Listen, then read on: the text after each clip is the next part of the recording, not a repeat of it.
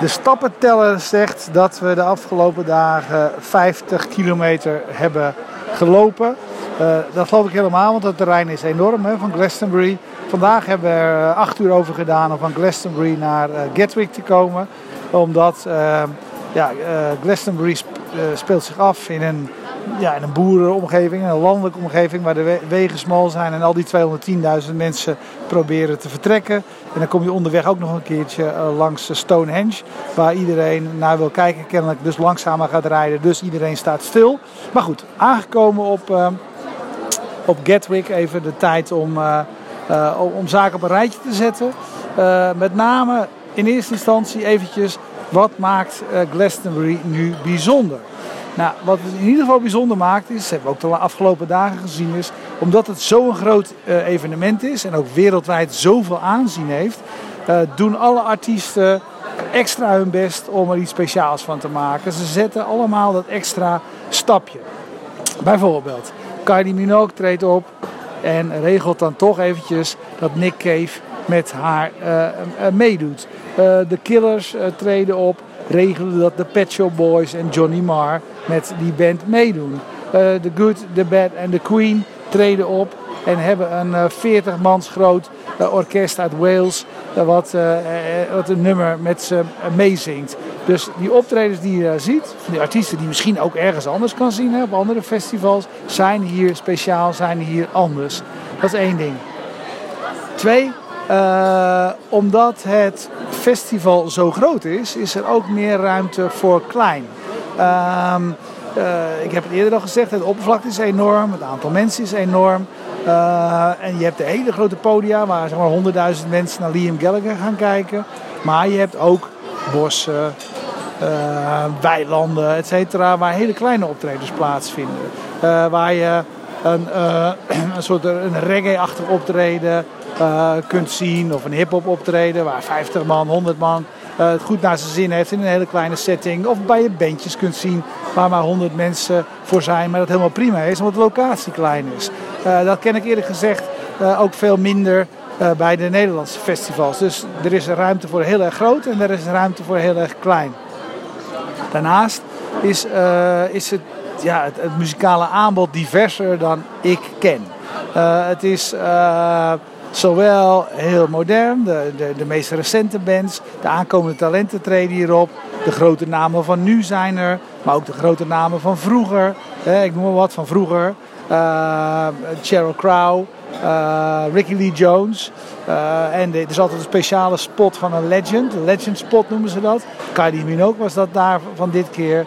Maar het, is allemaal in, het is er allemaal, in alle genres. Van klein tot groot, van hip-hop tot rock, tot country, tot, tot harde house beats. Alles komt langs, dus waar je ook van houdt, ga op zoek en je vindt wat, je, je vindt wat van je gading. Dan is er nog een ander ding wat, wat mij betreft het Western heel speciaal maakt, is dat uh, maatschappelijke betrokkenheid zit hier gewoon in de vezels van dat festival.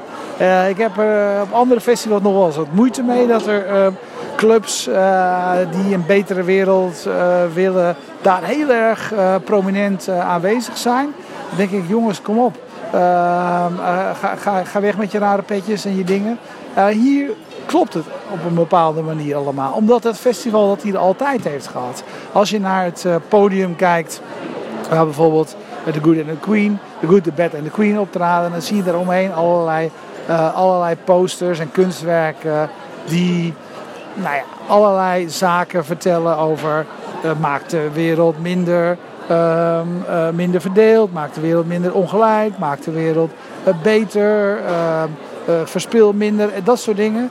En dan kan je misschien normaal gesproken van denken, alsjeblieft zeg, ik kom hier ook voor mijn lol.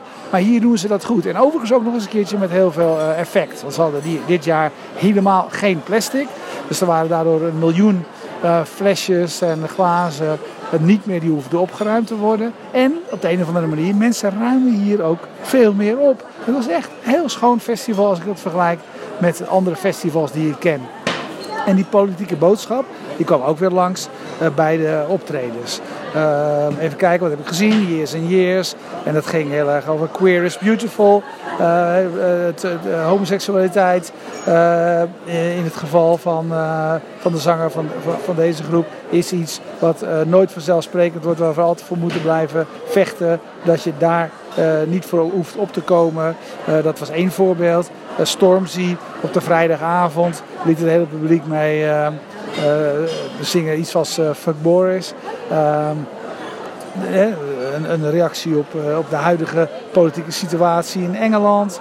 Ehm, Damon Albarn van The Good, The Bad and The Queen en van Blur. Die zei iets als...